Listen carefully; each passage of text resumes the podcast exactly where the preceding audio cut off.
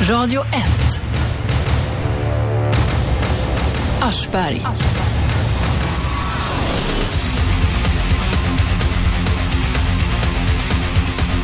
Får man Får man ha bruna skor efter sex? Eh, Och, eh, ja, det finns många sådana etikettsfrågor som vi ska reda ut idag. Betydligt mer komplicerade än, än denna. Vi har med oss folkrättsexperten Magdalena Ribbing i studion. Hon är beredd att svara på alla era frågor. Sånt ni aldrig har vågat fråga om förut, men nu har ni chansen. Ni ringer 0200 11 12 13. Detta är Aschberg på Radio 1, Sveriges nya pratradio, varje vardag 10 till 12. Varsågoda och börja ringa 0200 11 12 13. Magdalena, välkommen hit. Tack så mycket. Du, vilket är det vanligaste felet eh, som folk begår som, som så att säga strider mot någon slags gängse etikettsregler och i den mån det finns några? Jajamensan, det finns det. Det finns ju ett sätt att förhålla sig till, eh, det finns ett sätt att förhålla sig till eh, sin omgivning och det är det som man kan kalla för etikett om man nu vill. Hyfs och stil brukar jag kalla det för. Och eh, Det är att eh, veta vilken förväntan som finns på ett möte och då är det möten i vidaste mening. Alltså man knuffas på gatan eller man friar till någon så är det ett möte i vilket fall som helst. Men eh, att inte, inte ha någon koll på den där förväntan som finns underförstådd eller utsagd i ett möte, det är att inte känna till den så kallade etiketten, eller hyfsen, som jag säger. Men det vanligaste felet som du frågar om, det är att eh, man lägger märke till och kommenterar vad andra gör för fel. Det är egentligen det enda så kallade etikettsbrottet brukar jag säga. Att, eh, att man eh, säger att ja, nu tog du fel gaffel eller nej, nu har du bruna skor fast klockan är åtta. Det Och är, det, det, det, är, eh, först gav du en allmän beskrivning av vad, vad de här reglerna kan finnas till för. Men br- det, det värsta brottet, det vanligaste brottet, det är alltså att folk ska rätta andra i detta avseende. att folk är så mm, nosiga. Och säger, alltså det finns ett, eh, ett släkte som noterar vad andra gör och för att visa sig själv jätteduktiga, som jag nu gör till exempel, så talar de om vad andra gör för fel. Anton Tjechov, du vet, Ja. den ryska läkaren och poeten i början på 1900-talet, han har sagt något som jag tycker är så bra. Nämligen så här, det, det är inte den som spiller sås på duken som begår etikettsbrottet, utan den som påpekar att någon annan har spillt sås på duken. Jaha, och det är okej. själva grunden i vad jag förmedlar. Sågar inte du av grenen du sitter på? Jo, och det gör jag jättegärna. Tänk vad kul om jag kunde avskaffa mig själv. Ja, att- nämligen att alla uppträdde väldigt artigt och belevat mot varandra och aldrig påpekade den andra människors fel och brister. Då, då skulle du bli arbetslös. Det gör ingenting. Jag hittar på något annat. Då börjar jag laga mat, göra bearnaise eller någonting. Okej, ja, det är en vetenskap det med. Du, eh, innan programmet började så diskuterade vi, och vi kommer komma in på en miljon ämnen under de två timmar som eh, står på här. Som, eh, det var det här med den vanligaste vanföreställningen då om vad som gäller och inte gäller. Jag tänker på detta med bröllop som vi diskuterade. Det finns en eh, helt eh, vettlös grej med bröllop som fortfarande florerar fast jag har stridit emot den med näbbar och klor under, ja säkert eh, åtta år nu eller någonting.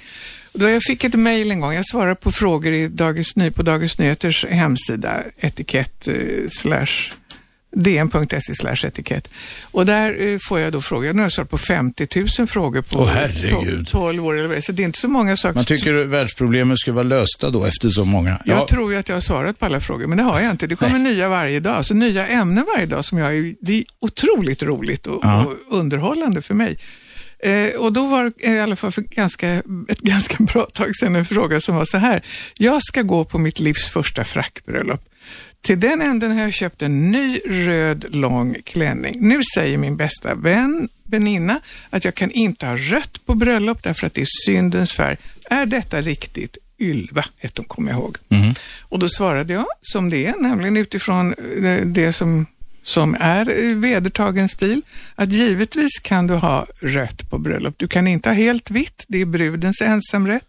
Helt svart är den etablerade traditionella sorgfärgen. Den ska undvikas av bröllopsgäster, kvinnliga bröllopsgäster, men rött kan du naturligtvis ha. Och då kom ett nytt mejl till mig. Vet inte du, Magdalena Ribbing, som håller på med sånt här, att den kvinna som väljer rött som bröllopsgäst, Hon visar med det färgvalet att hon har haft ett förhållande med brudgummen. Oj, oj, oj. oj. Och då det är blir mycket, man ju- många koder då i folks huvuden. Då blir man helt matt. Detta är ofattbart löjligt enligt min uppfattning och jag förstår inte att det fortfarande pågår för jag får ändå mejl om precis den här frågan med, eller alltså den, kan jag ha rött på bröllop?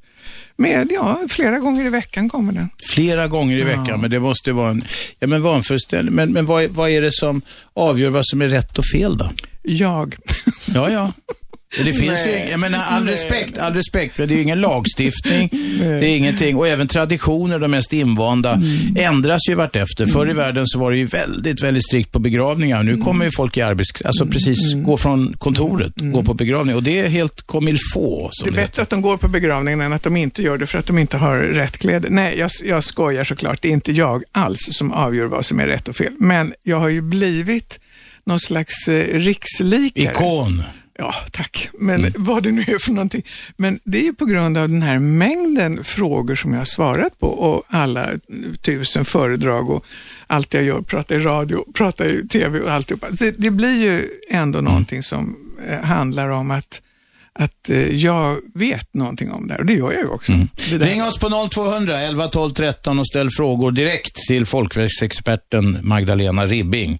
Ni kommer rakt ut i etern. Du, har det hänt någon gång att du stått helt svarslös, blivit mållös, fått en, en smäll i solarplexus av en extremt komplicerad etikettsfråga? Ja, det, har, det händer ju då och då att jag får frågor som jag inte kan svara på.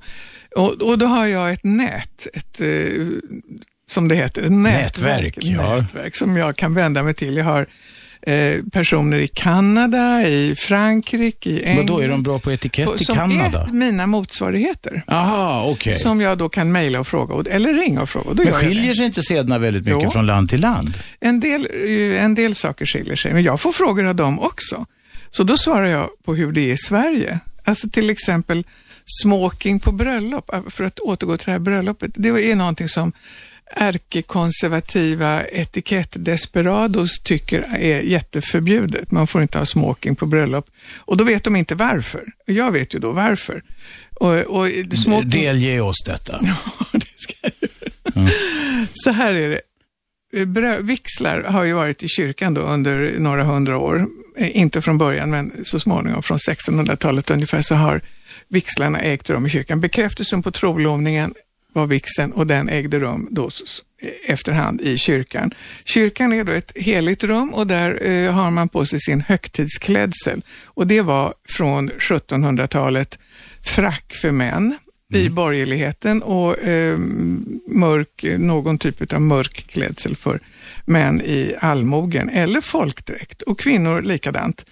Eh, och smoking, och det blev ju då frack som egentligen är en officersuniform från 1700-talet. Det är därför den är mm, då man satt till hästar, den är avskuren i midjan och delade Ja, och fram- kan dela sig på Precis. varsin sida om hästen. Det finns en förklaring till allting. Mm. Och eh, smokingen är... Förlåt, man hade kunnat klippa av dem, hade varit enklare. Det hade varit något bättre, men då det är opassande att visa rumpan kanske, jag vet inte. Men något, Ja, ja. det finns säkert en orsak till det också. Eh, eh, smokingen är en uppfinning från eh, England igen eh, på 1800-talet och då eh, för att männen bytte du vet att vid engelska eh, konservativa eller formella middagsbord så lämnar damerna middagen när desserten är uppäten och så det sitter herrarna kvar och, och dricker portvin. Och Du måste lämna plats för kaffeflickorna kanske. Ja, nu ska Ja. det inte vara sådana där. Nej. Men då eh, damerna gick ut och sen gick herrarna ut till damerna så småningom och då rökte herrarna. Mm. Och då skulle de inte röka ner sina tjocka, tunga frackrockar i ylle, utan då kom deras betjänter och lyfte av de frackrockarna och satte på dem en smoking jacket istället. Som Är det gjorde- därifrån det kommer? Jag tycker att det är ett larvigt plagg. Jag tycker frack är också ett larvigt Mm. plagg. Eh, stämmer det att om det inte står på någon finare inbjudan, det står inget om klädsel, då är det högtidsdräkt, Ja. det vill säga frack som gäller? Ska, alltså, Ja, det gör det eh, om man är dum och superkonservativ och ohjälpsam. Då, Så kommer man i frack. strunt- nej, då struntar man i som inbjuder att skriva ut en klädsel. Och så får gästerna mejla till mig istället eller ringa till inbjudan. Det är bara fånigt. Det är klart att man ska skriva högtidsdräkt om det är det, det vill säga frack. Du ska bara berätta färdigt om smokingen Ja, i ja. kyrkan. Okej. Så var det så att smokingen, då var det eh, drottning Victorias eh, Mm. son som prinsen av Wales. Han tyckte då att det var kul att retas med mamma där. Så att han hade på sig en smokingjacka en gång vid en frackmiddag. Så eh, bytte han inte, så, utan han hade på sig sin smokingjacka. Ja. Och då blev det en eh, trendgrej, en modegrej helt enkelt att ha smoking. Men då är den den lättfärdiga klädseln. Och Jag därför har- förstår. Det var radikalt då förstås. Vem är med på telefon? Tjena, Krille här. Krille, kom igen. Eh, jag vill bara, det här med vett och etikett, jag ville bara slänga in den. Heter det smoking eller heter det smoking? Jag blev lite, Ja. Jag blev lite uppretad där. Har vi någon språk, Hej. är det en språkpolis här eller är det bara... Nej, men jag, jag stod och störde mig på det bara, det var det. Hej Krille. Hej! Det är så här att det heter på svenska smoking som jag säger, som om det? det stavades med å. På, därför att det heter inte smoking på engelska, det heter smoking jacket, men det är en annan sak. Klädseln på engelska heter dinner jacket eller black tie. Och det heter alltså inte smoking på engelska, utan det heter smoking på svenska, det är ett begrepp på svenska och därför så heter det smoking. Säger du smoking så hörs det att du inte har haft någon på dig. Hörru Krille, du är en obildad råsäll. Nej, det är du inte. Ja, Du är det inte. Ja, det var bara din fråga som gjorde att jag vi måste det förklara. världsproblemet löst. Ja, absolut. Var det det hela? Ja, det var hela. Bra, tack. Fortsätt ringa på 0200 11 12 13. Jaha, då har vi utrett detta med frack och smoking, men du, är det inte Men visst är det onödigt kan man säga att man har olika klädslar för olika tillfällen. fullkomligt? Dock är detta då otroligt omhuldat av, av den älskade allmänheten som tycker att det är jätteviktigt med klädsel. Så nu är det klädkoder som det heter för minsta konferens och för att man ska gå ut och promenera och klädsel. Har detta blivit vanligare? Alltså? Det är det som är så fånigt, alltså att man har klädkoder för allting. Klädkoderna behövs ju bara när man är osäker på vad man ska ha på sig. Och det kan man ju inte rimligen vara på en konferens. Utan, Nej, vad fan, folk i firma, de ska åka iväg och ha så kallad konferens och så beter de sig som hundar i en hundgård. Mm, just det. Eh, eh, och då, då är det någon slags alibi då att man har bestämmelser Mm. om klädsel. Då har arrangören av konferensen bestämt att det ska vara smart casual. Eller som jag fick ett Och vad är mejl det? om Vad är det? Vad är det? Ja, det är hygglig, hygglig vardagsklädsel. Man får ha tröja istället för kavaj för Nej. killar. Nej. Inte när det är smart. Det Nej. kan du ha när det, är, när det är casual friday så kan du ha tröja kanske. Och in, om du- Smart casual utan slips. Ja, det kan Okej. det vara. Mm. Och det är olika från företag till företag, så det var så ohjälpsamt och löjligt. Men jag fick en gång, apropå det du frågade, kom jag just nu på en fråga som jag inte kunde lösa. Vad- Och det var någon som var bjuden på en fest i Frankrike. Vad är, vad är Saint-Tropez casual? frågade den Oj, oj, oj. Ja. Är det att man får ha sån här hawaiiskjorta Alltså, eller jag, någonting? nej, det tror jag inte alls. Jag tror bara att det är en desperat inbjudare som inte hjälper gästerna, som sagt. Spela märkvärdig. Så Mm. du tycker att det är inbjudaren som sviker när de är otydliga Ja. med klädkod. Men om man inte skriver någonting, om jag ska få ta ut mina polare på landet en helg, vad i helvete ska jag skriva vad de ska klä sig, hur de ska klä Nej, sig? det ska du inte, för då är du fjantig och det är inte Ja. du. Utan eh, det är de som är, eh, tror att man måste ha en klädkod för allting. Och dina polare kommer inte i frack om du inte har skrivit ut en klädkod. Nej, jag skulle tro att de har fått en hjärnblödning om de kom i frack. Så enkelt är det. Nej, det är fånigt alltså. Till, kungen skriver ut på sina inbjudningskort eh, högtidsdräkt och det tycker jag att... Eh, Jo, men det är väl för att folk står i vakt och blir skitnervösa för att de blir inbjudna eh, i sådana sammanhang det, bara. tror, det, ja, det, det, de är väldigt trevliga de här middagarna. Jaha, nu fick du det. Hallå, nu fick du det sagt också. Du Ja, har men det är väl inte så konstigt. Kungamiddag. Ja, men det är väl inte så konstigt. Jag är 70 år, jag har ju varit på precis allting. Ja, så ja, det är ja. självklart. Men det är, eh, de är lättsamma och trevliga, så det är inga, inget eh, polisaktigt eh, kollande av det ena eller andra innan. In, alls inte. Hur är det med kaffeflickorna då? Nej, finns inte. Finns inte, inte på de middagar du har varit. Radio 1. Aschberg. Det är jag, det är varje vardag 10 till 12 på 101,9. Det är frekvensen. Eh, kom ihåg den så är det lättare att hitta kanalen. Radio 1 heter det och i studion idag har vi folkrättsexperten Magdalena Ribbing.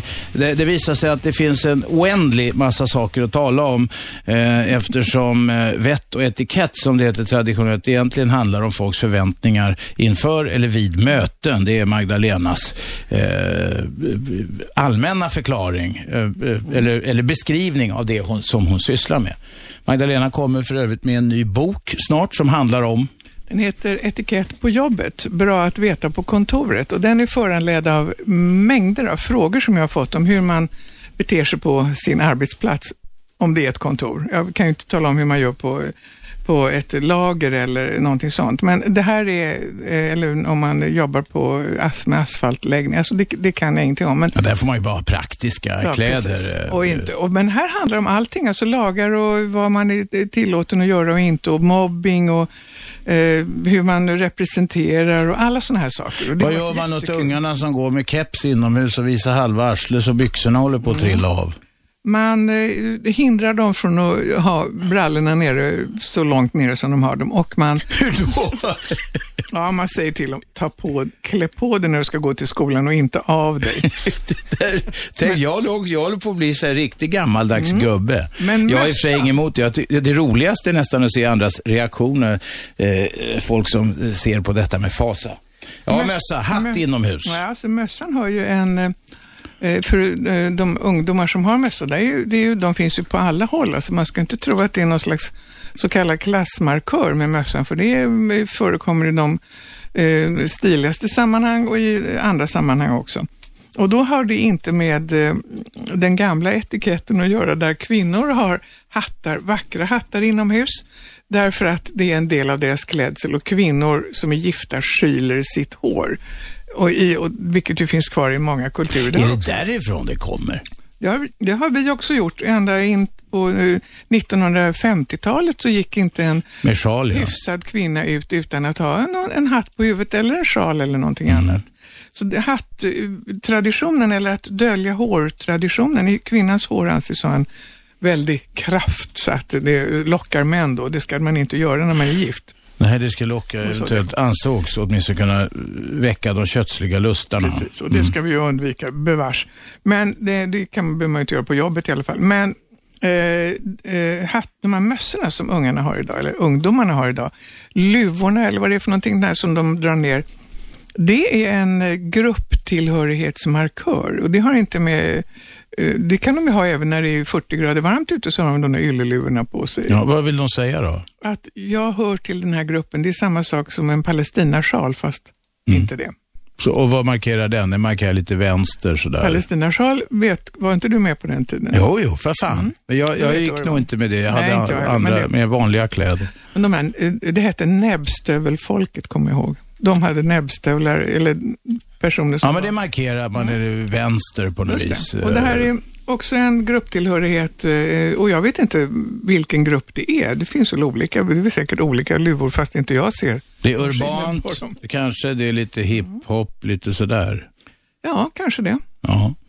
Ja, vi är för gamla för att begripa var det där kommer. Det ungdomar, ni får gärna ringa på 0200 11 12 13 och förklara vilken grupp ni vill markera att ni tillhör. Sånt vill man väl inte prata om. Om man nu söker en grupptillhörighet så säger man inte jag bär detta och detta för att jag vi- vill, framstå, jag vill att det ska framstå som att jag tillhör den gruppen.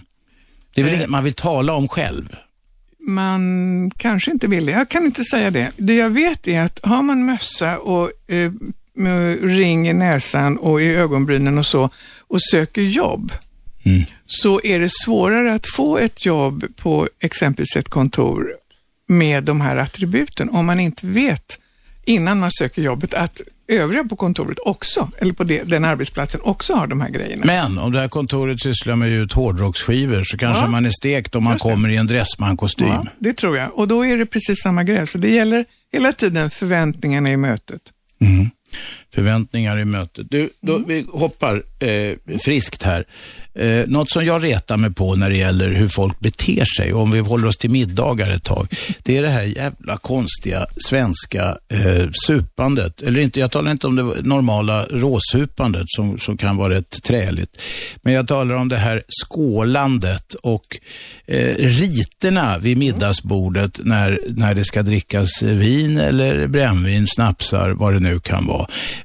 Ibland när man sitter på en något finare middag, det är inte så ofta, gud gubevars, då, då eh, vågar man ju för fan inte dricka för man väntar på att den ena eller andra ska styra och sen ska folk skåla runt bordet, dricka, hålla upp glaset, se varandra djupt i ögonen och så vidare och så vidare. Jag blir stressad av det där.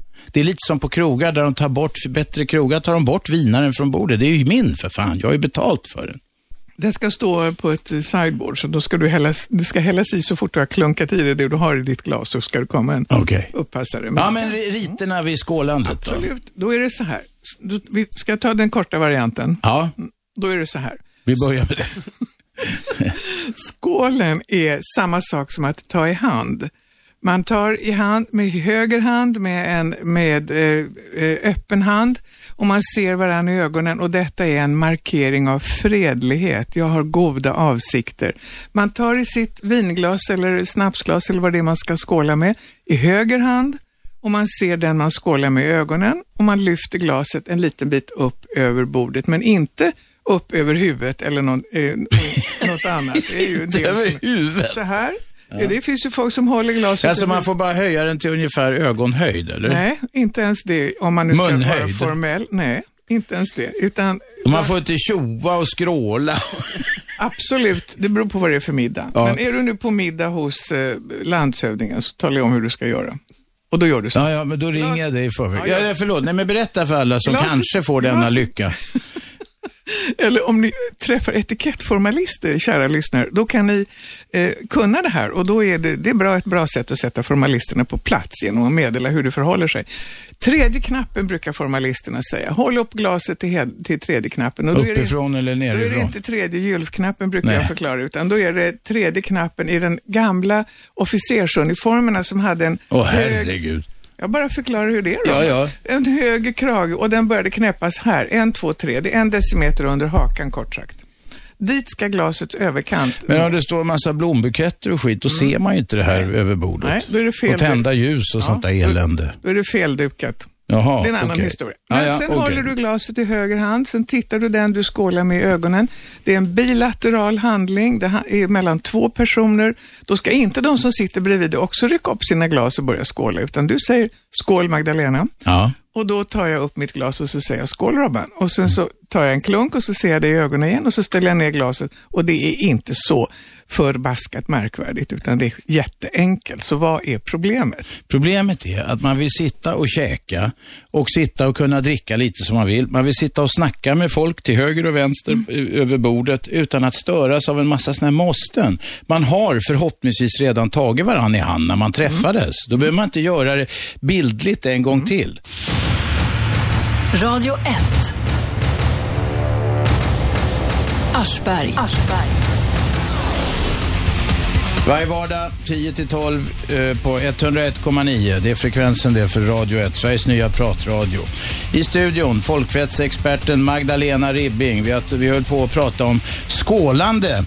Uh, detta förbannade rituella skålande som Magdalena inte alls tycker är så farligt. Hon tycker det är rätt så bra. Vad var vi i skålandet? Alltså, jo, det är så att en skål är egentligen ett tyst tal till den man skålar med. Skål mm. Robban, säger jag, då är det i själva verket jag gillar dig, du är trevlig, hej hej. Och det utan att det Men säger det. Säger så. det de gör det ju rituellt så att varenda jävel sitter och skålar med varenda jävel runt ett bild. Ja. Och man vet kanske att några hatar varandra, men man ska ja. göra det här. Ja. Då är det ju inte ett tyst tal, jag gillar dig. Det går inte att säga, alltså skålandet är väldigt gammalt. Det går inte att säga om någon säger skål Magdalena, då kan jag inte säga du var så himla löjlig torsdag så jag tänker inte skåla med dig. Det går inte alltså, utan då är det bara att titta på den där, behöver man ju inte se så otroligt glad ut.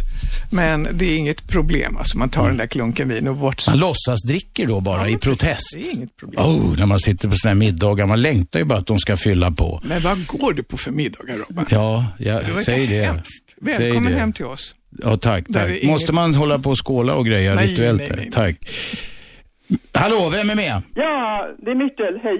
Ja, kom igen Myrtel. Ja, jo, eh, nu hoppar jag från skålande till servetten, men jag, Man får hoppa här. ja, det är bra. Eh, två frågor om servetten. Eh, vilken sida ska jag lägga den på egentligen när jag dukar? Jag försöker titta på bilder från Nobelfesten eller fina bjudningar. Och en är den till höger och en är den till vänster, men oftast är den mitt på tallriken mm, bunden, knuten till någonting. Men om jag bara lägger en vit servett, är det till vänster? Ja, Myrtel, den är till vänster. Den är till vänster. Och den är till vänster på kungamiddagar och på fina middagar och överallt annars. Om du har sett att den ligger till höger är det någon som har missuppfattat Ja, alltihopa. okej. Jag Och- gissade vänster. Har du sett eh, dukningar i såna här fina blanka tidningar ja. så ser du också hur de eh, kryllar ihop servetten och så knyter de in några blåbärsris och några sidenband och håller på. Det är bara urbesvärligt för då ska du som gäst trassla upp det där. Och var Massa sjutton ska du skräp. lägga grejerna sen? Ska du ha dem i håret? Alltså det är bara onödigt. Just Utan till vänster är det ingen laxkanapé, eh, lyckligtvis, som ligger på din eh, förrättsassiett så kan servetten ligga där också. Inte i glaset Nej. och inte till höger utan till vänster. Och du lägger den i knät det första du gör när du sätter dig. Den är inte kvar på bordet. Okej, tack för det svaret. Då eh, reglerar jag över till fråga nummer två. Varför, eh, varför bör man, ska man, med samma man sätter sig, ta servetten och lägger den i knät? Det, det, nio av tio vet inte om det och jag undrar bara varför? Servetten är eh, det som står på bordet när du sätter dig och den ska sen vara nere i ditt knä. Den ska inte vara kvar på bordet för där ska det eh, då få plats andra saker. Och du ska torka din, dina graciösa mungipor från några eventuella smulor med ett litet hörn av servetten. Det är vad du ska göra med den. Du ska, och då ska du, när du har haft den i kring eh, Vänta vid ett hörn. Om man har skitat ner sig i får man inte använda servetten Jo. på normalt sätt. Robban, du avbröt. Jag höll Ja, men jag må, förlåt, jag, jag sticker in en fråga här bara. Vi går bara på fina middagar. Och då, Ja, alltså, Ja, ja. jo du får torka av, om du har kletat ner det med nyponsoppa runt hela gapet så visst får du torka av det.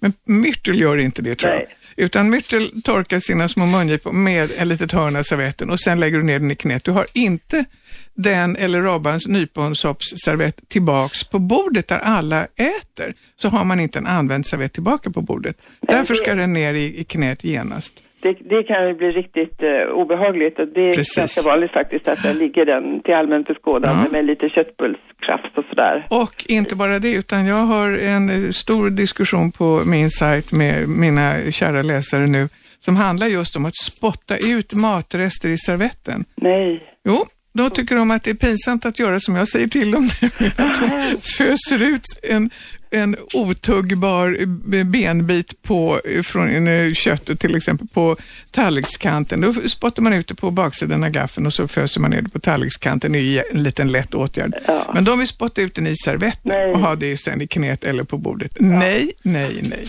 Ej heller snyter man sig i servetten. Det är ett annat kärt ämne.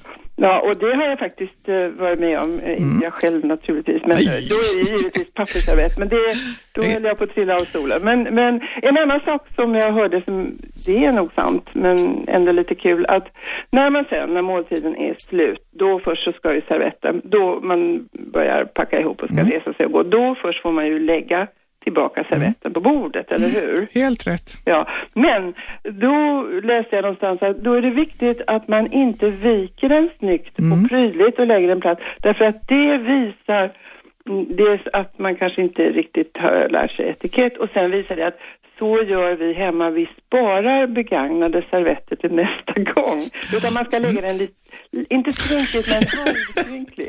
Lite lätt. Du är underbart väluppfostrad Myrtel. Det är en fröjd för en gammal folkvettsexpert. Jag minns att säga att jag visste det skulle samma? vara konstiga grejer. Jag är förbluffad över dessa är jättebra. detaljerade... Roligt Robban. Nej, men det, Ja. det är bra här. Du har helt rätt och du, man lägger servetten lätt hopknycklad till vänster just för att visa att eh, man inte tror att värdfolket tänker eh, använda samma servett till gästerna som kommer imorgon också, som är lite finare. Okej, Mm. då... Ja, tack Myrtel. Ja, tack.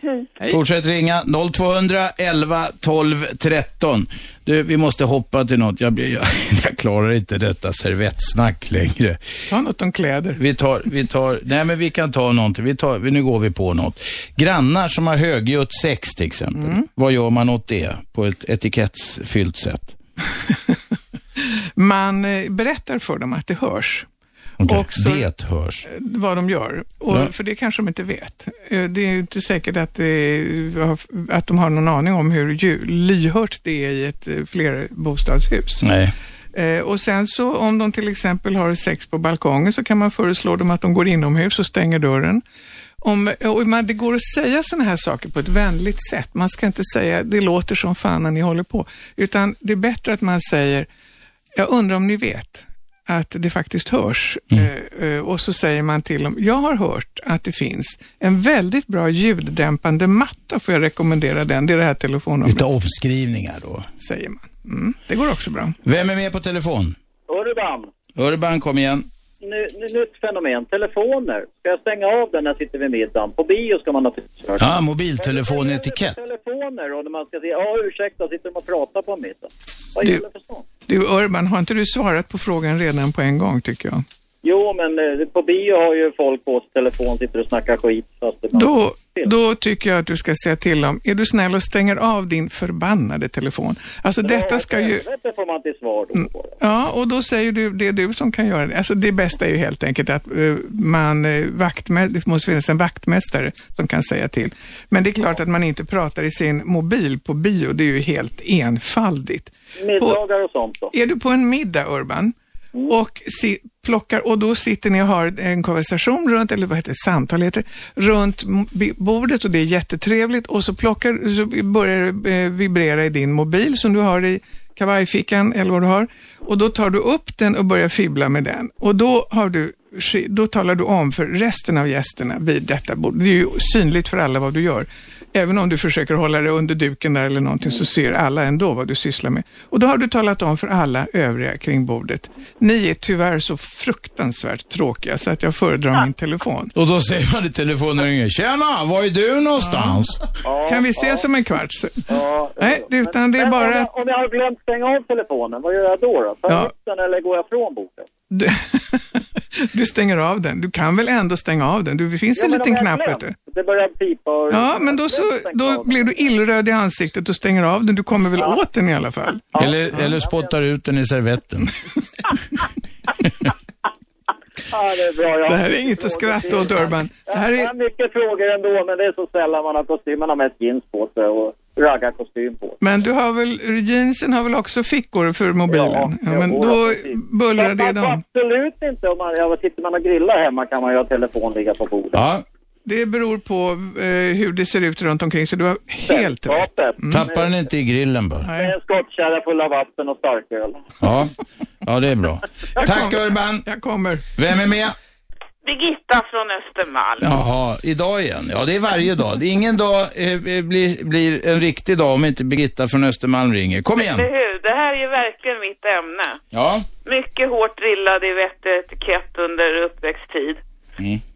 Och, eh, men, så att jag har ingen fråga egentligen, utan jag skulle bara vilja, eh, en grej som min pappa sa som också var hårt drillad i och med att han var ju sjökapten och så vidare. Att kan man reglerna så kan man bryta mot dem. Ja, det är intressant.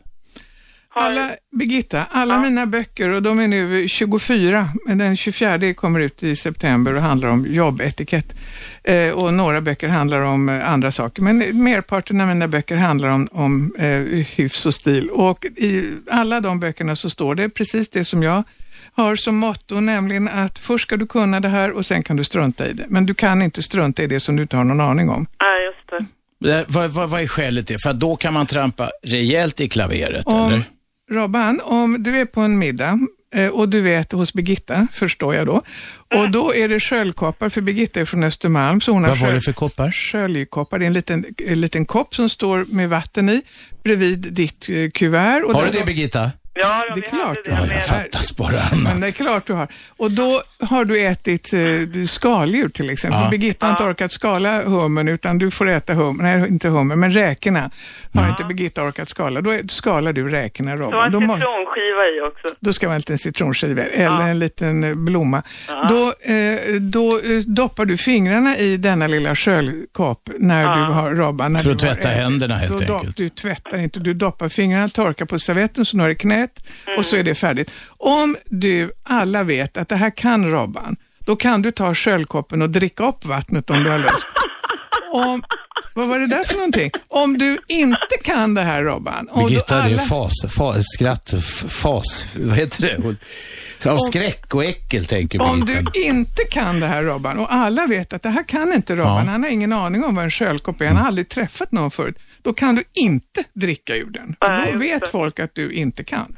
Så att Är du med? Och om man inte bryr sig vad folk kunna, säger då? Man måste kunna reglerna först helt enkelt. Och, Just det. Jag var väl inte sådär glad när jag växte upp att bli sådär hårt drillad, men nu idag är jag det. För nu kan du dricka direkt ur sköldkoppen. Precis. Ja, exakt. Ja. Men man blir inte full på det, så det är Nej. lite tråkigt. Det är en annan fördel. Okej. ja, tack Birgitta. Tack, hej. Hej. Birgitta ringde på 0200 11 12 13. Vi svarar på vett och etikettfrågor nu. Och vi, det är inte jag det, för jag kan inte så mycket om det, utan det är Magdalena Ribbing som är folkvettsexpert. Hon sitter i studion.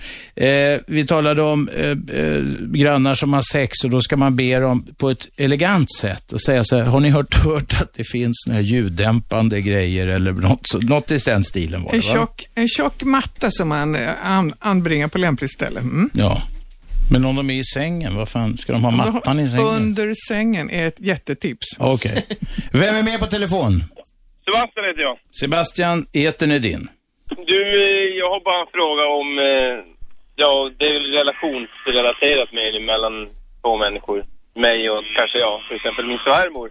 Ja. Eh, om eh, hur det är det här med att, om hon, vad ska jag säga, hemma hos mig gör någonting som jag inte riktigt är överens med att hon gör. Ge ett konkret exempel. Det kanske kan vara något självupplevt. Hur mycket tid har vi, höll jag säga. Vet du vad? Kan du hänga kvar i luren? Absolut. Ja, häng kvar då, eh, så Jajamän. är vi tillbaka och då ska vi höra hur det går eh, för Sebastian och hans svärmor. Vi är strax tillbaka. Radio 1. Aschberg. Tjenare, tjenare. Varje vardag 10 till 12, 101,9. Jag heter Aschberg och i studion har vi folkvettsexperten Magdalena Ribbing som svarar på frågor om så kallad vett och etikett. Som man alltså kan bryta mot hur som helst, men man måste ha ett hum om det innan man gör det. Och, och, eh, annars är man en bondtölp som blir insläppt då bara någonstans och så vidare. Vi hade ett samtal, det var eh, Sebastian som är med. Sa. Sebastian? Jajamän. Ja, var var vi någonstans? Vi var svärmorsfrågan här. Svärmor ja, så var det Sebastian. Ja, det är Ja. hon... Ja, vad ska jag säga? Jag och min tjej har ju lite olika relation till svärmor självklart. Men eh, under tiden jag har känt henne så har hon gjort lite konstiga grejer och när jag har velat påtala det så har min käresta då försökt hyscha ner det lite grann. För jag har alltid varit att det väl bara säga det så får vi, ja, säga vad man tycker och tänker så får det väl bära henne dit det bär. Liksom. Vad är det för slags aktiviteter som du har haft synpunkter på? Ja, det är...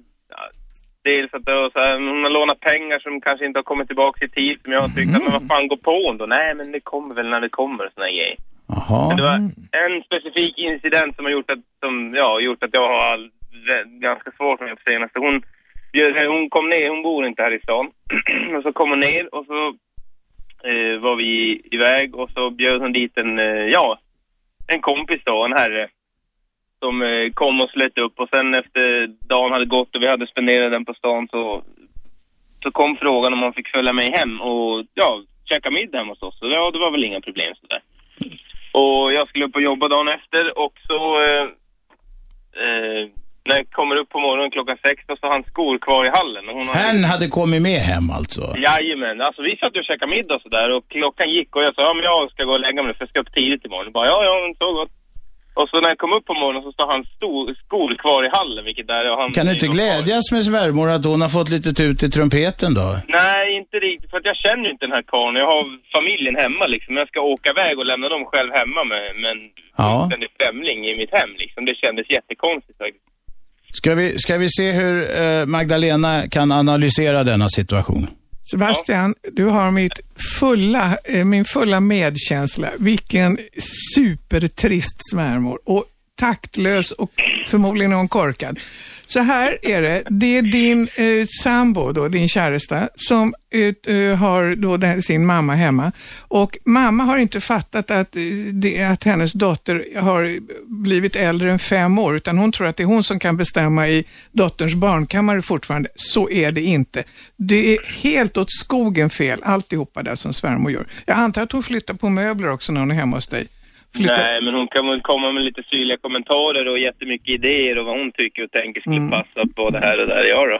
Säg nu en gång för alla till svärmor så här. Kära svärmor, det är så trevligt när du kommer på besök. Detta är mitt och vad nu kärestan heter. Det är vårt hem och här bestämmer vi. Och det hoppas jag du fattar. Och då är det inte så att hon kan låta någon grabbhalva sova över där hemma hos dig i ditt hem utan att du vet om det överhuvudtaget. Vad är det för stil? Men vad har du för en sambo, frågar jag då också, som inte vågar säga till mamma?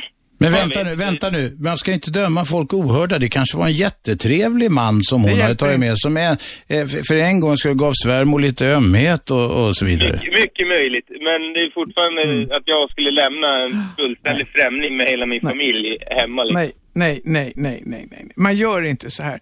Då kunde du ha sagt till svärmor, det går bra att hyra ett hotellrum här runt hörnet. Alltså, det, du får inte stå ut med vad som helst. Och jag vet, jag har fått jättemycket frågor om svärmors problem. Men då är det ofta att, in, det här har jag inte varit med om, men jag, eller hört om, men jag har fått frågor just om svärmor som kommer hem och flyttar om möblerna. Det är snyggare så här och, och sån här mat kan ni inte äta utan det ska vara det här istället och sådana saker. Så här ska ni uppfostra barnen. Men eh, då måste man säga till. Alltså, det, du är vuxen och din sambo är vuxen och eh, det är svärmor som får finna sig i hur det är hos er. Magdalenas råd är, du ska stå på dig alltså. Ja. Ja, men jag brukar inte ha något problem att säga till. Men det är bara det problemet kommer ju när... när Jaha, det är frun här, eller liksom bara, sambon. "Åh, hysch, hysch", och Det är likadant med typ hennes systrar, alltså svärmors syster. Alla är så hysch-hysch runt omkring. Men då Ja. kör jag på mitt vanliga race och bara säger... Men du får morska upp det Gör mot din sambo också i några avseenden då. Jo, Du kan absolut. hälsa från mig, säg att du, du har Hälsa. pratat med Magdalena Ribbing. Annars kommer Magdalena hem, Magdalena hem och gör rent hus där. Tack Sebastian. Jag flätar till svärmor där, det går inte. David ska vara med här. Ja, hej. Ja, talar du David? Ja, eh, vad heter det? Jag har en fråga till eh, Magdalena. Ja, ställ den. Eh, Det var det här med att skaka hand. Jag har hört att det kommer från att folk, eller männen hade svärdet eller värjan på vänster sida. Och att genom att skaka hand med höger hand så, så kunde ingen eh, eh, komma åt sitt svärd så att Man säga. kunde inte dra svärdet och hugga huvudet av den man Ja. hälsar på. Alltså det, principen är, är rätt. Höger hand är ju den vapenhanden och den viktiga handen. Du, du gör, du, höger hand är genetiskt den hand som man, eh, som man använder till fina grejer. Och vänster hand används inte. I många kulturer så använder man ju inte vänster hand till exempel vid ett matbord eftersom det, den används till andra saker. Mm. Toalettbesök, jag kan vara tydlig här för de som inte fattar. jag, hade Ja. ett, jag hade ett tips också. Eh, Det finns ett spel som jag fick för några jular sedan. Jag vet inte vad det heter, men det kan man säkert googla. Som handlar om just vett och etikett och som är en slags Trivial Pursuit-grej. Och det var mariga och enkla frågor. Jättetrevligt. Rätt mycket snott ifrån mig kan jag säga. Ja. Mm. Men det gör ju ingenting. Huvudsaken är att alla fattar alltihopa så kan vi lägga ner alla de här staketen mellan folk som tror att de är fina och de som tror att de inte är fina nog. Okej. Det vore bra Och om vi Eftersom fick- jag är etern säger jag tummen upp för Sjöräddningssällskapet också. Ja, ja, det är bra. Det är rätt. Tack. En av Sveriges fi finaste frivilliga organisationer. Ring oss på 0211 12 13. Magdalena Ribbing är beredd att svara på era mest konstiga frågor. Du, Magdalena, Mm. när är det skägg och när är det orakat? Det är en rent estetisk fråga som faller utanför ramen för hyfs och stilexperter. Okej, jag har en kille vars svärmor bråkar med honom och säger att han är orakad. Han själv anser det är skägg. Vi har med oss en ringare. Vem är där? Ja, hallojsan. Hallojsan. Är det Robert? Ä- Är det Leffe? Ja, det är det. Limhamns-Leffe? Ja, det är det. Ja. Är, Hallå. är, är det någon Jesus-grej idag eller? Eh, det är alltid. Ja. Men det var inte det jag tänkte på nu. Jag ville ventilera någon tankar bara om bin Laden. Nej men vänta nu, vi håller ju på med etikett här. Det var ingen etikettgubbe. Eh, Vem, vem är inte etikettgubbe? Bin Laden. Nej, men jag tänker så här att... eh, Jag, jag tänker mig att eh, amerikanarna har tagit honom till fånga, kidnappat honom, tagit honom. Och att de förvarar honom nu i Amerika. Konspira nu är det en ny Nej, konspirationsteori. Nej, nej, nej, det är sunt förnuft. Ja, ja, det är ingen det alltid när det gäller dig. Det är, det är alltså, inte ens amerikanerna skulle vara så korkade så att de jagar en människa i tio år.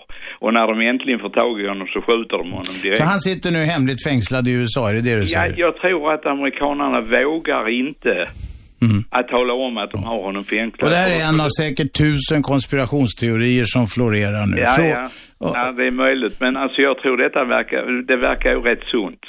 Att de har tagit honom, de vågar inte tala om att de har Leif? honom. De skulle dra på Leif? sig en massa terrorister. Leif, Ja, Ja. ja. Är det, är De är det inte någon så- där uppe som har sagt det här? Det är, de är väl inte så dumma så de skjuter en människa i ansiktet. Ja, det har nog tyvärr hänt genom historien att både de och andra har gjort alldeles för många gånger. Ja, men de är ju de är ju så pass skickliga amerikanerna. De skj- skjuter naturligtvis i bröstet. Men det, det passar ju bra att skjuta honom i ansiktet. Du har sett för många västernfilmer, Leif. Får man se det när man är Jesus-kille? Nej, jag har inte sett så många westernfilmer, men jag ser mycket deckare. Ja. Morden i midsommar och Ja. ja. ja. Har du tänkt på en sak, Leif? Magdalena kanske också har tänkt på det. Jag gissar att du har sett några av de där morden i midsommar. Jag har sett Det många. är, ju, det, är ju alltså, det är ju ett ställe, det är ju närmast folkmord som pågår där. Det kan Ja. inte finnas en levande jävla själ kvar i det där countyt eller vad det nu är för Ja, någonting. men det är ju ett rätt stort område. Det är ju inte, det är ju inte en liten by. Jo, men det är ju flera mord i varje program och den där serien går ut och in. Det är något i matematiken som inte stämmer här. Ja, de tycker väl att engelsmännen är för många. Ja, Så kanske. de fylls på underifrån där. Du, gå tillbaks till Herren Jesus nu Leif. Tack för att du ringde. Där är jag hela tiden. Ja, det är bra. Hej.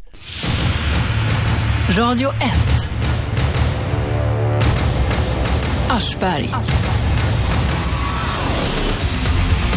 10 till 12 vardagar på 101,9. Idag, dagens gäst är folkvettsexperten Magdalena Ribbing som snart kommer med en ny bok om vett och etikett på jobbet. Hur ska man uppföra sig på arbetsplatsen? Det är många som inte vet det. Eh, det viktiga är väl i och för sig att man är hygglig mot folk i gemen. Men det finns en massa koder och det är de vi talar om. Det går bra att ringa oss på 0200 11 12 13 och ställa frågor direkt till Magdalena. Eh, bordsdamen, så att jag funderade på. Är det till höger eller vänster? Jag glömmer det alltid. Alltså, bordsdamen sitter, eh, har sin bordskavaljer till, hög, till vänster, på sin vänstra sida, så hon sitter alltså till höger om dig. Den som du har till bordet sitter på din högra sida. Du som har gått i läroverk. Förklara för mig då. Det är min, min, min goddaghand, det är den Ja. tanten man ska prata med. Precis. Okej.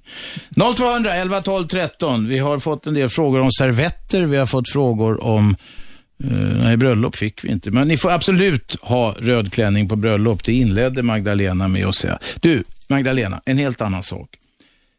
Vad är generande hårväxt? Det är det som ens kultur inte accepterar. Det vill säga i vår, i vår västerländska kultur, eh, åtminstone här uppe i norr, så är det inte okej att eh, kvinnor har mustasch, även om de är med i olika kampanjer. Inte ens under mustaschkampen. Nej, inte mustasch. Det anses eh, ofräscht.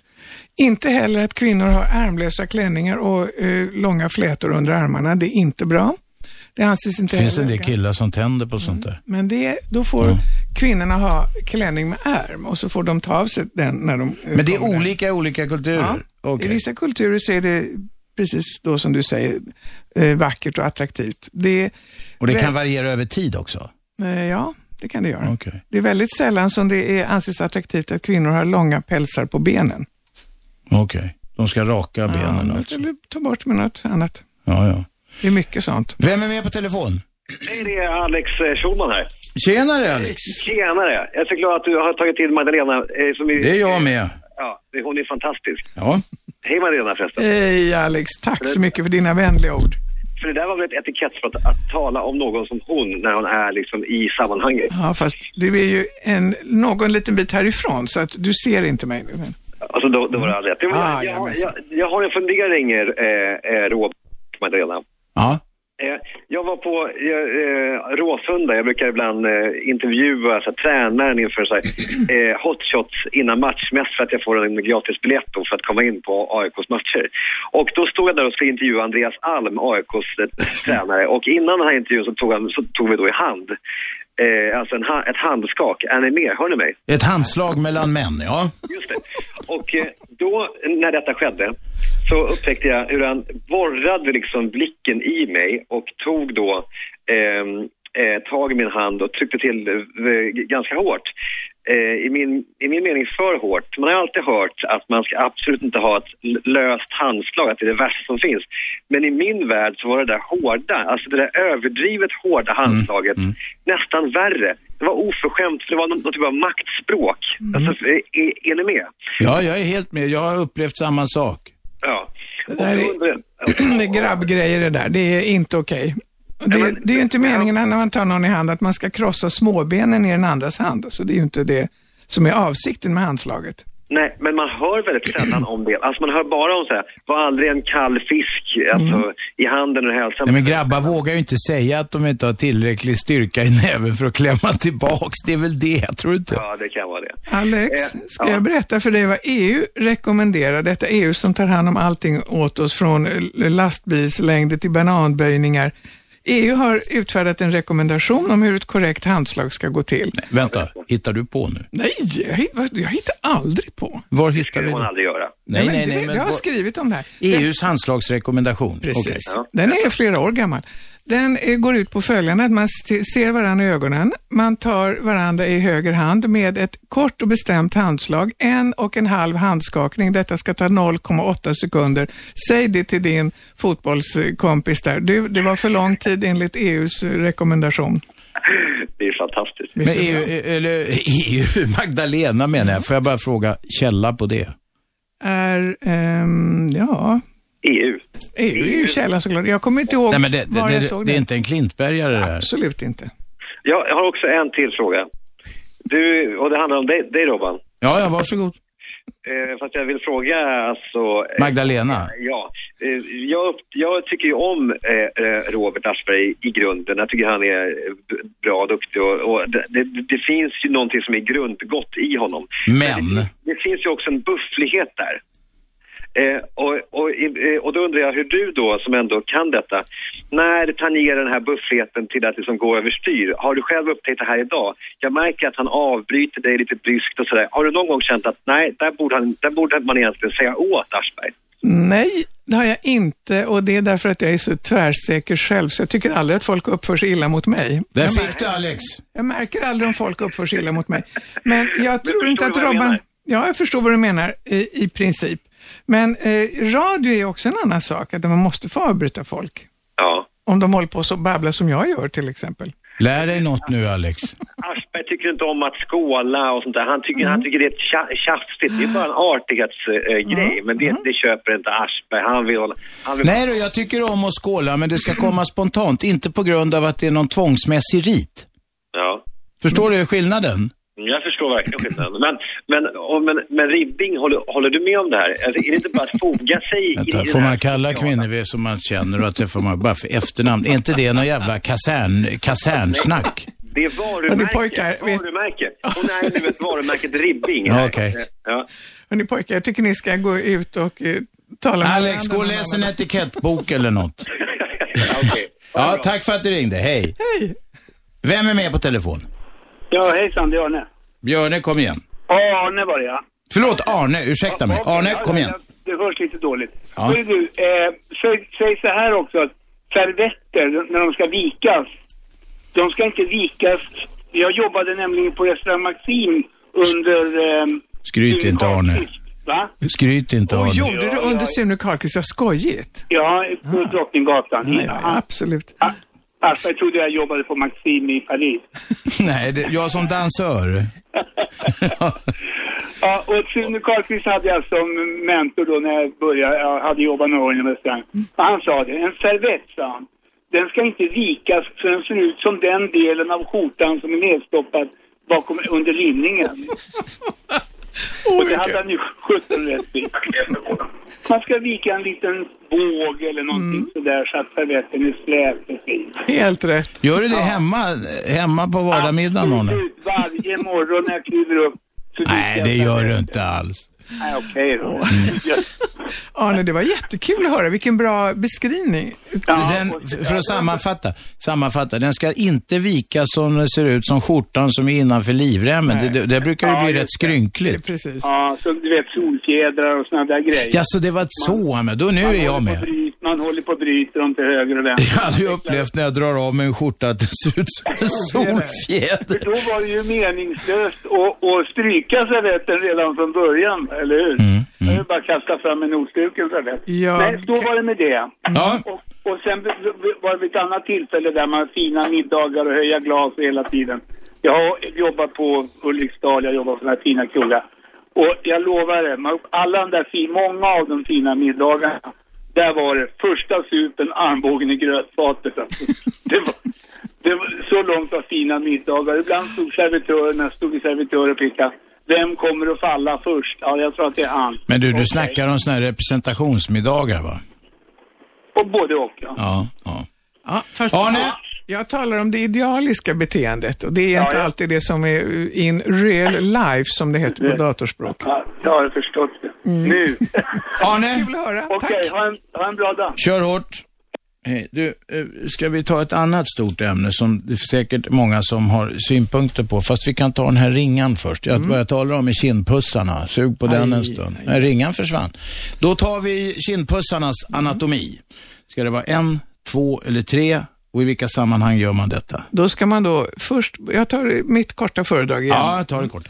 Då ska man först veta varför man kysser på kind och då har det ingenting med, med erotik att göra som många hoppas och det är inte heller någon romantik utan det är i själva verket en medeltida religiös åtgärd där man genom att nudda någon med det, den del av sig som eh, intar föda och dryck och håller en vid liv, nämligen munnen, på den tiden eh, rör vi någon som är starkare än man själv och har mera kraft än man själv. Och då får man del av den kraften.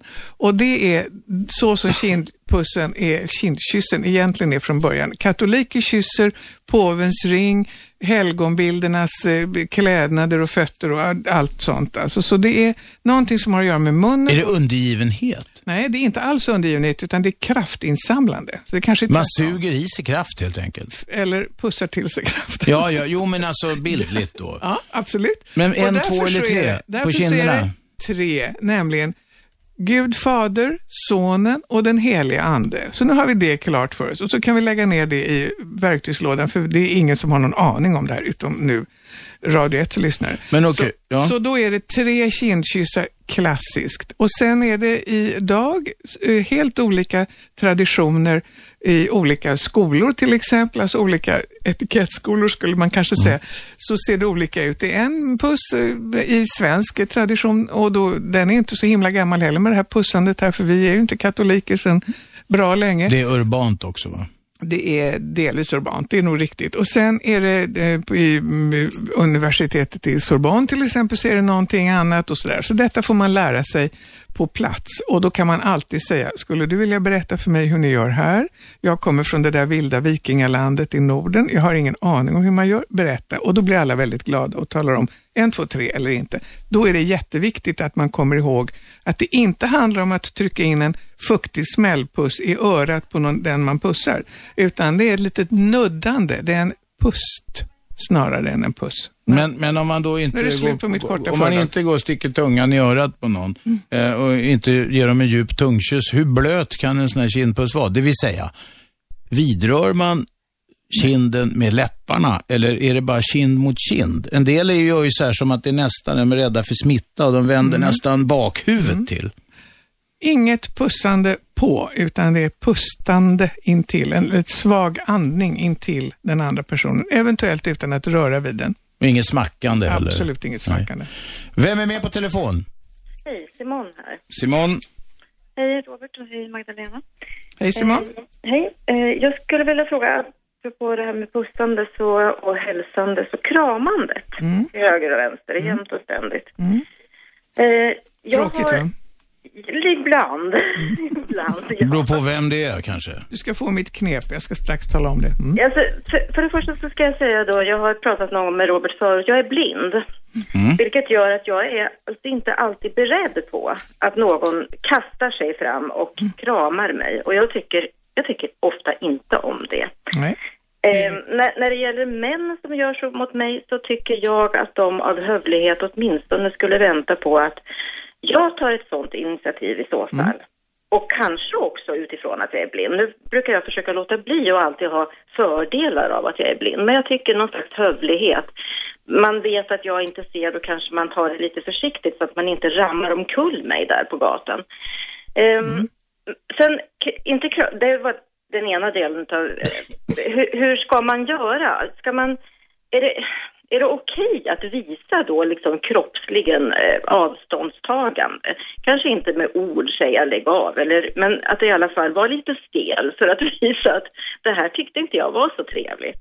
Alltså kramandet, Brist på gensvar om man säger. Mm. du, detta är en synnerligen förståelig fråga. Detta är ett svenskt fenomen kan jag säga, där vi i Sverige ofta tycker att kindpussandet är för intimt och för nära. Man pussar då, vi tror att man ska trycka in den där av mig eh, icke rekommenderade smällpussen på någon annan. Men, men vi tycker att pussa någon, det är intimare än att krama någon, medan man i flertalet andra kulturer skulle säga tvärtom. Att dra någons kropp in till sin egen är ju ett intimare begrepp, eller det blir ju i vanligen det i alla fall. Kramandet och så det här med att borsta varann på ryggen då med hän- ja, hur det nu, du vet hur det ser ut. Herman Lindqvist har sagt en gång att man ser det här på svenskar för att man, det ser ut som de håller på att ta på sig varandras överrockar, säger han. Ja. Det är bra.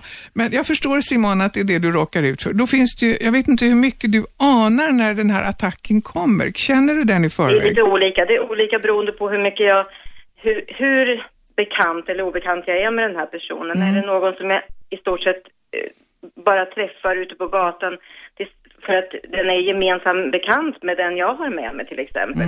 Då, då är jag ju ofta väldigt oförberedd för jag vet inte hur snabb den här personen är i sina kramattacker. Eh, har jag träffat personen innan så har jag ju någonting i bakgrunden. Men vad fan, man kramar väl inte någon som man, man kramar, jag tycker inte man kramar någon som man inte känner väldigt väl. Och där det kommer väldigt naturligt. För mig att, att jag är till exempel ute med någon och så träffar vi den som jag är ute tillsammans med, dens bekant. Mm, som kramar dig då. något sätt, då ska den på något sätt för att visa att den ja, accepterar mig i sammanhanget och krama. För Och 17 jag- gubbar. Mm. Ja, det, Det är kul. det behövs uppfostran från dagis i, i kramsammanhanget. Men jag ska bara säga till dig Simon vad du ska göra om enligt mitt förslag. Dels så kan du stå väldigt rak i ryggen och, och ha någonting framför dig. Jag brukar rekommendera en, det finns de här kuvertväskor. Ja. Kuvertväskorna som är väldigt vassa, så ha en sån där med den vassa änden framåt. Det är svårt att forcera den. Och sen om du känner att någon kommer, om du anar att någon närmar sig dig, ta ett steg bakåt. Och den jävla lufs som följer efter dig då, är det. Den, då kan man säga. Då kan du eh, drämma till den. Nej, det kan du inte. Men du kan säga, va, kramvarning, jag har herpes, kan du säga. Det är lite som man uppfostrar hundar. har Man ställer sig stramt, man ställer stramt rakt upp så för att för att markera för hundarna att de inte ska hoppa på. Mm, Sen har jag då en fortsättning på samma kramtema. Eh, I mail så kan jag ibland, tycker jag att det har krupit in ett eh, slashkram eh, till, med folk som jag inte känner att jag, om jag säger så här, jag skulle aldrig ta initiativ till att krama dem någonstans.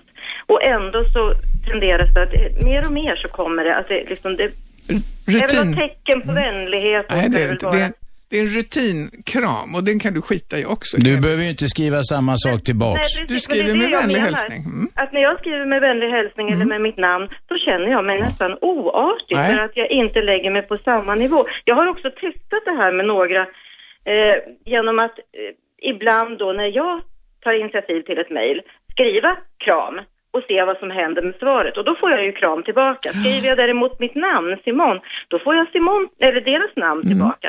Och då, då känner jag att då kan jag försöka att styra det där lite grann förstås. Det kan man göra, men jag tror inte du behöver övertolka allting heller. Så mycket. Någon skriver kram så menar de inte att de, att de vill ha fysisk nej, kontakt nej, med det, dig. Nej, det tror inte jag heller. Utan jag, det är det jag vänder mig emot, att kram betyder helt plötsligt ingenting. Kram, Det alltså, finns inget utrymme kvar. Det är likadant som jag ibland kan sakna. Jag kan tycka lite illa om du-reformen. Inte för att jag inte tycker att jag ska vara du med folk, utan för att det finns inget finare kvar. Vänta, det är en annan sak och det kan vi snacka om Jag efter bara reklamen. Jag Jag bara säger Det är Simon, nämligen nu har det, det blivit ett jävla niande. Det gillar inte jag. Inte jag heller. Simon, kram i mail är en översättning av love och det kan du också Ja, ja. strunta i. Så skriv inga kramar till någon och bry dig inte om de som Nej. mailkramar dig. Radio 1. Aschberg. Just det, 10 till 12 vardagar, repris 20 till 22 eh, på kvällarna. Ni kan också lyssna på direkt på nätet via radio1.se eller via någon av de här applikationerna, apparna som det kallas för, med era moderna smarta telefoner. Jävla bra app är det för övrigt, eh, Radio 1. Man bara klickar in på och det börjar streama direkt. På nätet kan man lyssna på gamla program om man är intresserad av det också. Vi har Magdalena Ribbing som är folkvettsexpert med oss i studion. Hon svarar på frågor om vett och etikett. Och vi har avhandlat en hel del grejer. Ni kan ringa oss på 0200 11 12 13 om ni har specifika etiketts eller vettfrågor. Det är ett ganska vitt ämne. Du, när man ska gå på toaletten. I Sverige säger folk, nej, nu måste jag gå och skita, säger de på jobbet. Det finns lite olika sådana på arbetsplatsen. Någon går och letar efter en tidning demonstrativt för att ta med sig så man har något att läsa men som var på muggen. Eh, folk ska alltid berätta vad de ska göra. I USA frågar de efter vilrummet. Ursäkta, var är vilrummet? Restaurang. I Ryssland eh, så säger de så här. Ursäkta, var kan jag tvätta händerna? Eh, vilket är bäst?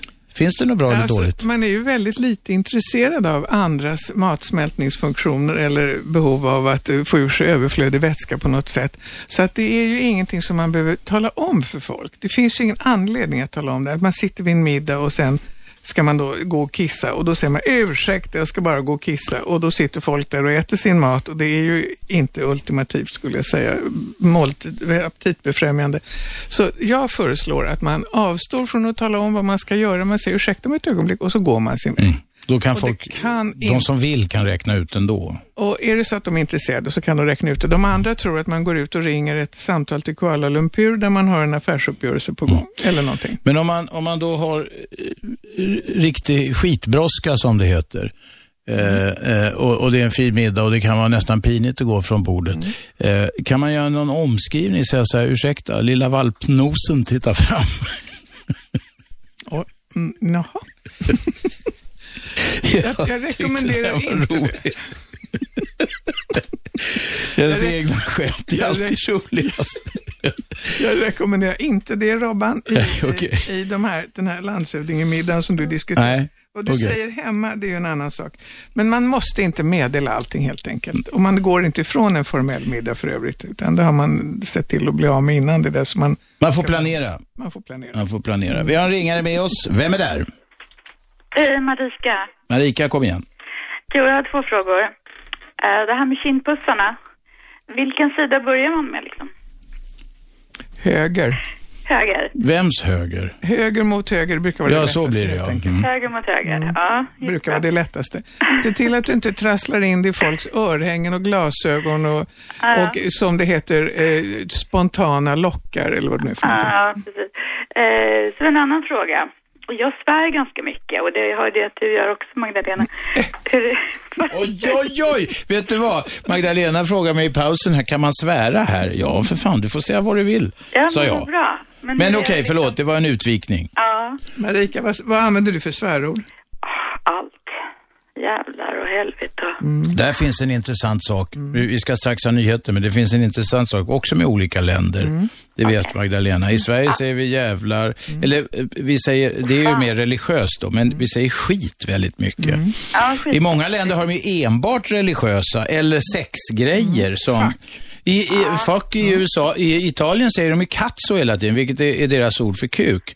Eh, Cazzo, i, va, va, ibland i Italien, man vet, inte, säger de cazzo i varenda mening och det är, då har det ju helt tappat betydelse, det är bara ett förstärkningsord. Mhm. Ja, men det är ju det med... Men Marika, ska du vara, när den dagen du har lust att vara en extra elegant dam, vilket inte alltid är helt kul, men om du nu vill det, då, är, eh, då, då föreslår jag att du inte svär. Nej.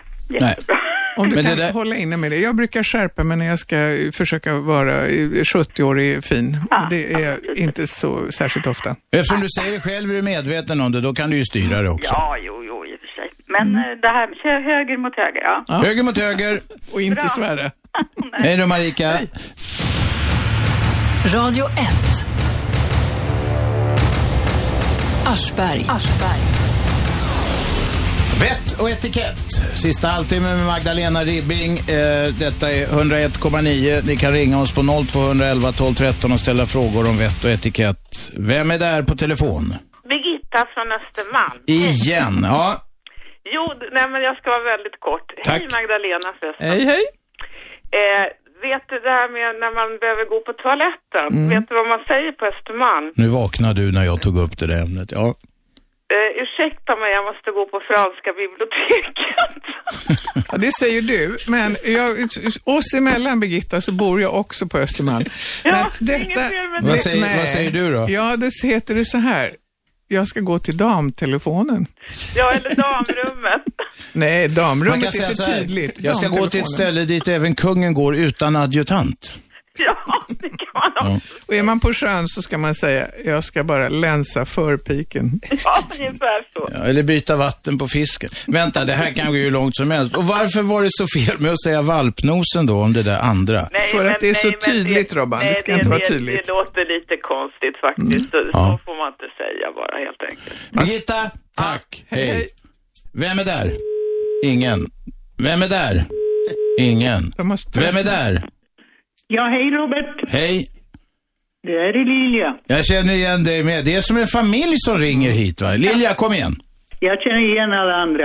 Eh, den här berömda handskakningen, om ni kommer ihåg, Ja. eh, som blev så omskriven i tidningen när en sök, arbetssökande Mm.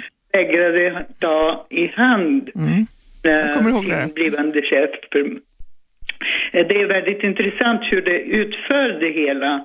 Eh, och då kommer jag osökt in på det här. Hur påverkar andra kulturer utanför den anglosaxiska och västerländska etikettsnormerna eftersom det här är ju högaktuellt i Sverige. För skulle vi umgås gränser, alltså folk, etniska folk eh, eh, sinsemellan så måste vi försöka att ta reda på hur andra människor beter sig. Okej, din fråga är alltså hur har den svenska etiketten, etikettraditionen påverkats av inflytande ut, utifrån? Precis. Jag skulle kunna berätta för dig lite hastigt om den här handskakningen, där eh, jag var tillfrågad i olika sammanhang om precis detta. Och jag anser inte att den mannen som inte ville skaka hand med sin kvinnliga blivande arbetsgivare eller chef, att han gjorde minsta fel. Och det, hon var upprörd och andra var upprörda därför att det, hette då att att eh, han var nedlåtande mot henne, som inte ville skaka hand med henne för att hon var kvinna. Och då har man ju inte fattat så himla mycket, enligt min uppfattning. Han visade henne respekt genom att inte ta henne i hand och det var hans kultur. Det finns ju andra sätt att hälsa med stor respekt på andra människor. Jag tycker inte alls att det där var något, något problem och jag tror att vi är tvungna att lära oss en massa sådana här saker. Också exempelvis det här med att kvinnor täcker sitt hår. Jag eh, hoppas att det är frivilligt, eh, det allra mesta som görs. Men jag tycker inte att det är någon skandal och något fruktansvärt hemskt att kvinnor har en sjal över huvudet, eftersom det finns en bakgrund till det. Och Nej, jag tycker alltså, inte jag handskakandet är en grej heller. och mentalvården och så. Ja, eh, och eh, i socialvård. Och när jag har träffat mina blivande klienter, då har jag avvaktat om de Mm. sträcker fram sin hand eller inte. Det. är inte jag som sträcker fram först. Har du sett att vuxna svenska kvinnor nu eh, har börjat niga för varandra och för män och för på alla möjliga håll? En liten knix som de tycker ser flickaktigt och sött ut har jag förstått. Det är att försätta sig i en lägre position än den man niger för och det är själva idén med nigandet. Så där kan ju svenska kvinnor sluta niga väldigt fort tycker jag. För all del, men i, mitt, i min situation eh, det är att eh, jag har på något sätt, jag vill inte visa min makt över de andra så att säga som är i underläge. Och därför så intar jag den här så att säga ödmjuka ställningen till att avvakta och, Mm. och, och eh, hälsa på sedvanligt sätt. Just det. Bra Lilja. Men du niger inte för dem? Absolut inte. Niar du dem då? Niar du dem då? Ja, okej. Men eh, ändå om du kunde berätta Magdalena eh, hur, det, hur den västerländska etikettsnormen har påverkats av andra kulturer. Jag vet inte det. Jag kan, det finns säkert eh, st- eh, stora fält för forskningen i framtiden och den har jag inte bedrivit. Det jag kan säga är ju att vår matkultur är ju starkt påverkad av inkommande kultur, gudskelov vill jag säga, eh, under något sekel nu minst. Och också vårt sätt att bete oss i olika sammanhang. Eh, jag tror, jag vet inte om det här med skoavtagandet, eh, om det har uppstått ur, ur det svenska bondesamhället med höboss, eh, kletiga skor som inte skulle tas Leråkrar. Leråkrar som sagt, eller om det är en asiatisk influens eller vad det är för någonting. Men det, den finns i alla fall. Jag tycker inte att man ska ta av sig skorna så fort man kommer Inte jag heller. Men det är ju väldigt Lilja. många som gör det. Du får nöja dig, det är många som ringer. Tack för att du ringde. Hej. Vem är där? Hallå? Vem är med oss? Ja, det är Ingrid. Ingrid heter jag. Ingrid, kom igen. Ja. Jo, jag är både farmor och mormor och jag har eh, tre barn och många barnbarn. Gratulerar. Va? Gratulerar sa jag. Ja, tack, tack. Men jag tycker det är så konstigt för att det har blivit någon slags omvänd inbjudningsordning mellan ungdomarna och vi äldre. Jag har fått propåer av ett av mina barn att jag ska komma och hälsa på oftare. Och eh, då säger jag det att eh, ja men eh, bjud gärna hem mig. Nej men eh, det, det är lättare om du eh, ringer och säger när du vill komma. Och jag tycker det här känns så konstigt och då har jag prövat det i alla fall flera gånger. Och då har de eh, varit upptagna och ute och handla och så här va. Och sen så får jag lite skäll då utav ett av mina barn för att jag aldrig kommer att hälsa på och vi ses sällan. Och jag tycker det här känns så konstigt för jag vill ju inte bli den svärmor som ringer och säger att får jag komma nu, får jag komma nu, får jag komma nu. Eh, men eh, då, då svarar de bara det att ja det är vårat sätt att, att, eh, att eh, så vill vi ha det. Och jag tycker det här känns så fruktansvärt konstigt. Och vi har alltså inte sett på flera månader. För jag, jag säger det att nej men jag, eh, jag, vill, jag vill inte ha det så utan jag vill känna att jag är välkommen när jag kommer och att ni har tid att sitta och prata med mig. Men har inte du ett eget hem? Jo. Varför bjuder du inte hem dina barn och barnbarn till dig om du vill Jo. träffa dem?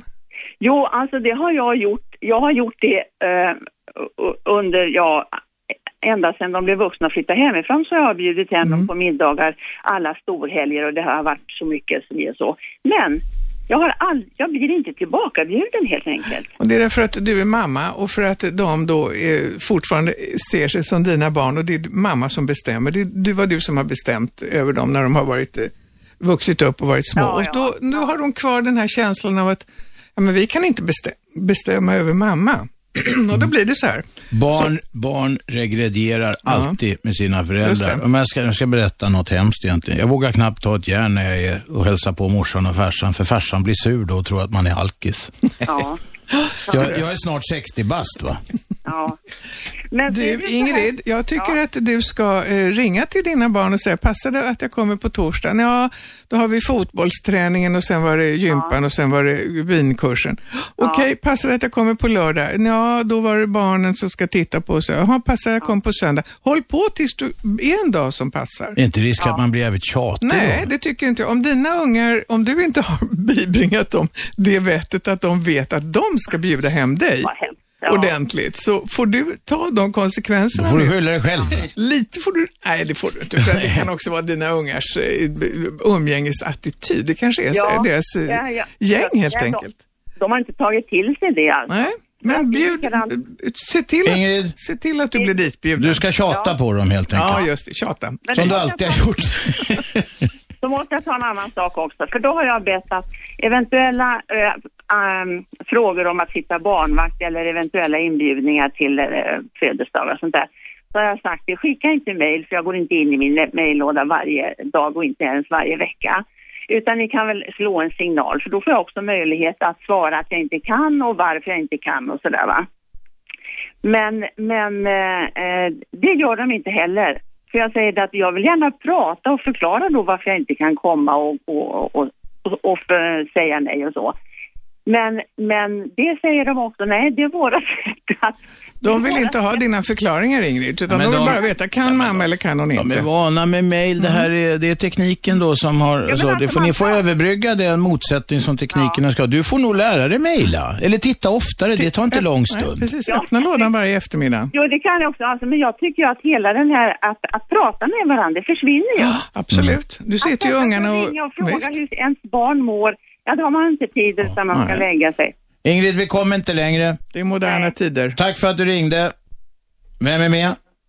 Hej, det är Myrtel igen, en, en i familjen.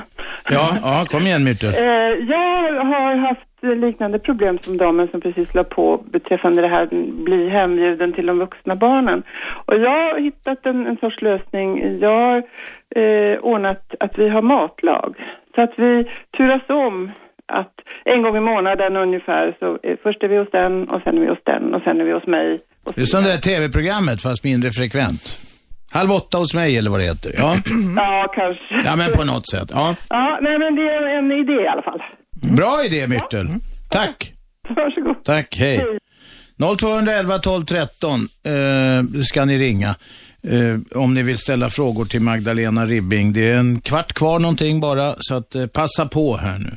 Det, dialekter, det kan ju ställa till mycket också. Säg att man sitter på en middag med en skåning eller någon höganäsare eller någon konstig dialekt och de berättar en lång jävla historia och man kopplar av, det vill säga man eh, låtsas som att man hö- förstår hörat och så slutar det med en fråga. Hur fan hanterar man det? Du har inte förstått någonting, men du förstår att de så här, verkligen uppfordrande väntar på ett svar. Då säger man så här, Robban. Det är så underbart att höra den här ädelskånskan eller den här Simrishamnskånskan eller hö, vad det nu är för någonting, Vikenskånskan.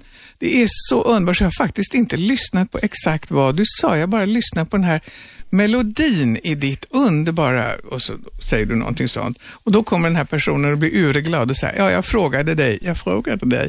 Och så kommer frågan Ja. igen. Problemet är att de är så dryga så de kan ju missförstå. Nej, skåningar är snälla.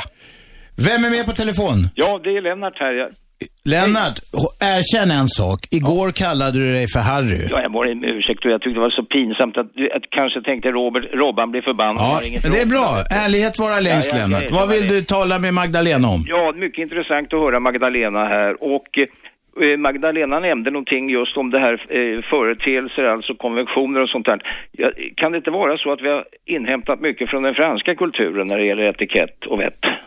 Ordet etikett, nu tar jag en liten föreläsning. Ordet etikett kommer från början från eh, de små lappar, små etiketter, alltså lappar som sattes upp vid det franska hovet på 1400-1500-talet för att visa i vilken ordning olika personer fick företräde hos kungen.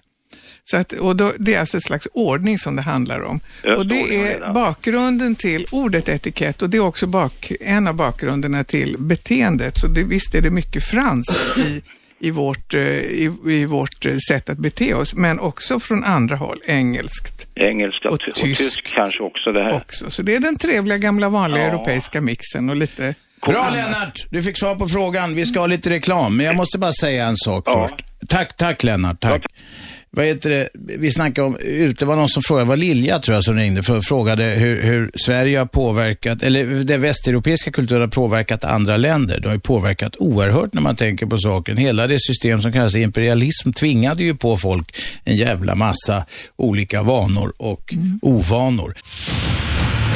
Radio 1. Aschberg. Varje vardag 10-12 på 101,9. Radio 1, Sveriges nya pratradio. I studion Magdalena Ribbing som är folkrättsexpert. Hon vet var servetten ska ligga. Hon vet hur, om man har kniv och gaffel, på vilken sida kniv, om tallriken, kniv och gaffel. Hon vet betydligt mer än så också.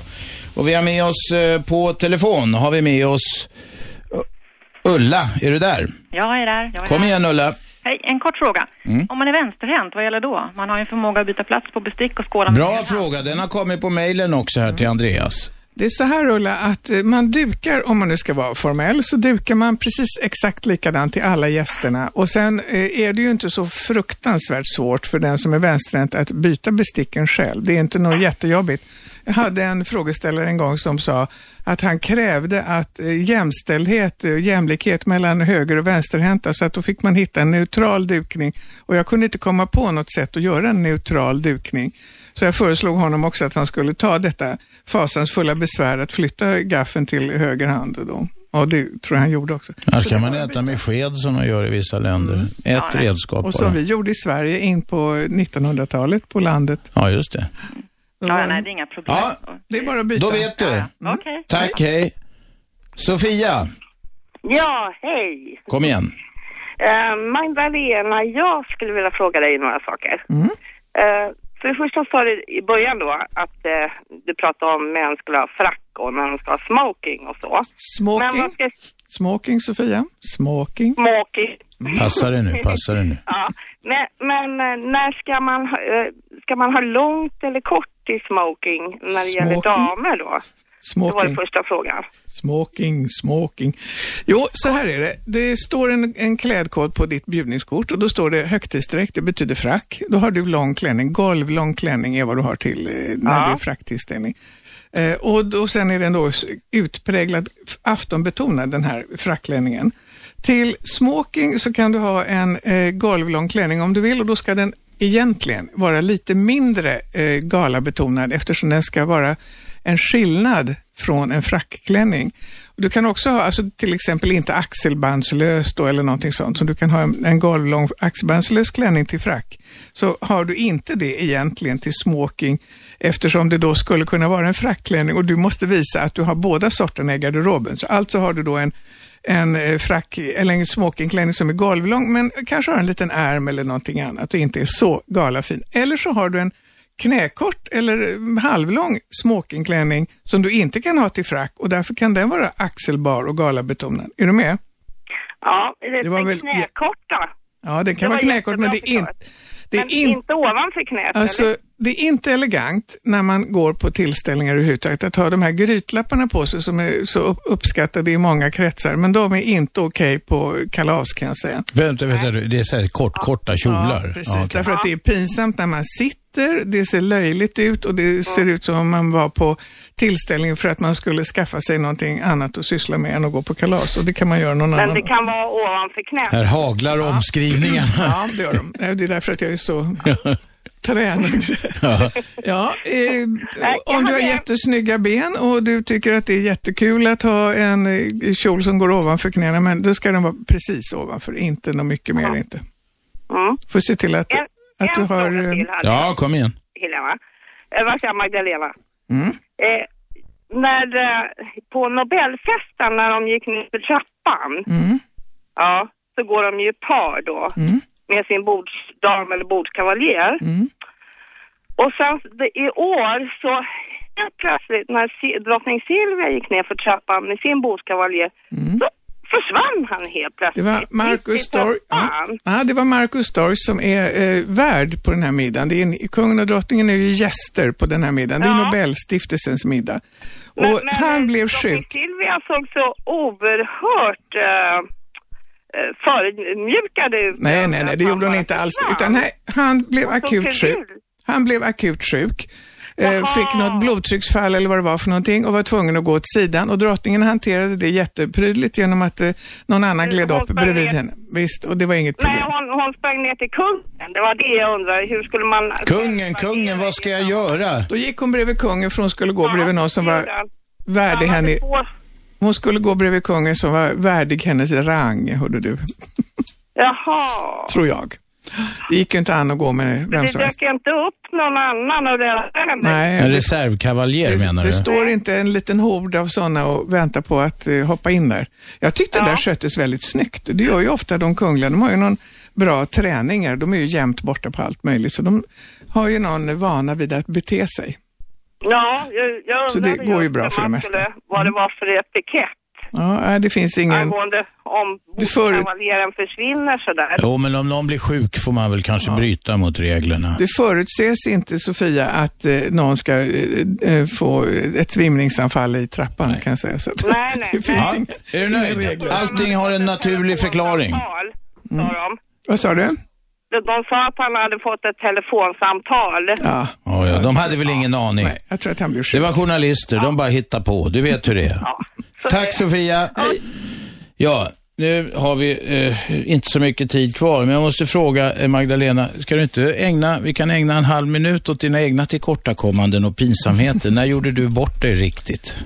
Ja, det gör jag säkert ofta, fast jag aldrig gör det medvetet. Jag, och med att göra bort sig så är det ju bara om det handlar om medveten elakhet eller hänsynslöshet mot andra personer. Och det hoppas jag att jag inte gör medvetet, i alla fall inte min avsikt någonsin, och då är det ju inte medvetet. Det viktigaste i livet är att man inte sårar andra Ja, människor. precis så är det. Det Ja, är, Man kan göra i princip vad som helst, men man ska inte såra andra. det är en bra sammanfattning. Ja. Då säger vi så för idag. Tack snälla du för att du kom hit och berikade oss med etikettsregler och lärde folk att veta hut. Tack så Eh, mycket. vi är tillbaka imorgon. Kul Då att prata kommer- med läsarna. Då kommer. Per Ström. Per Ström, antifeministen kommer. Han har skrivit en bok med, där han ska, säger han, ta koll på en massa feministiska myter. Vi ska se om den där, hans idéer tål en närmare granskning. Klockan 10 imorgon alltså, liksom varje vardag, 10 till 12 på Radio 1, 101,9 Sveriges nya pratradio. Jag heter Aschberg, tack för att ni lyssnade. Vi hörs imorgon 10.00. Hej då. 101,9 Radio 1. Sveriges nya pratradio.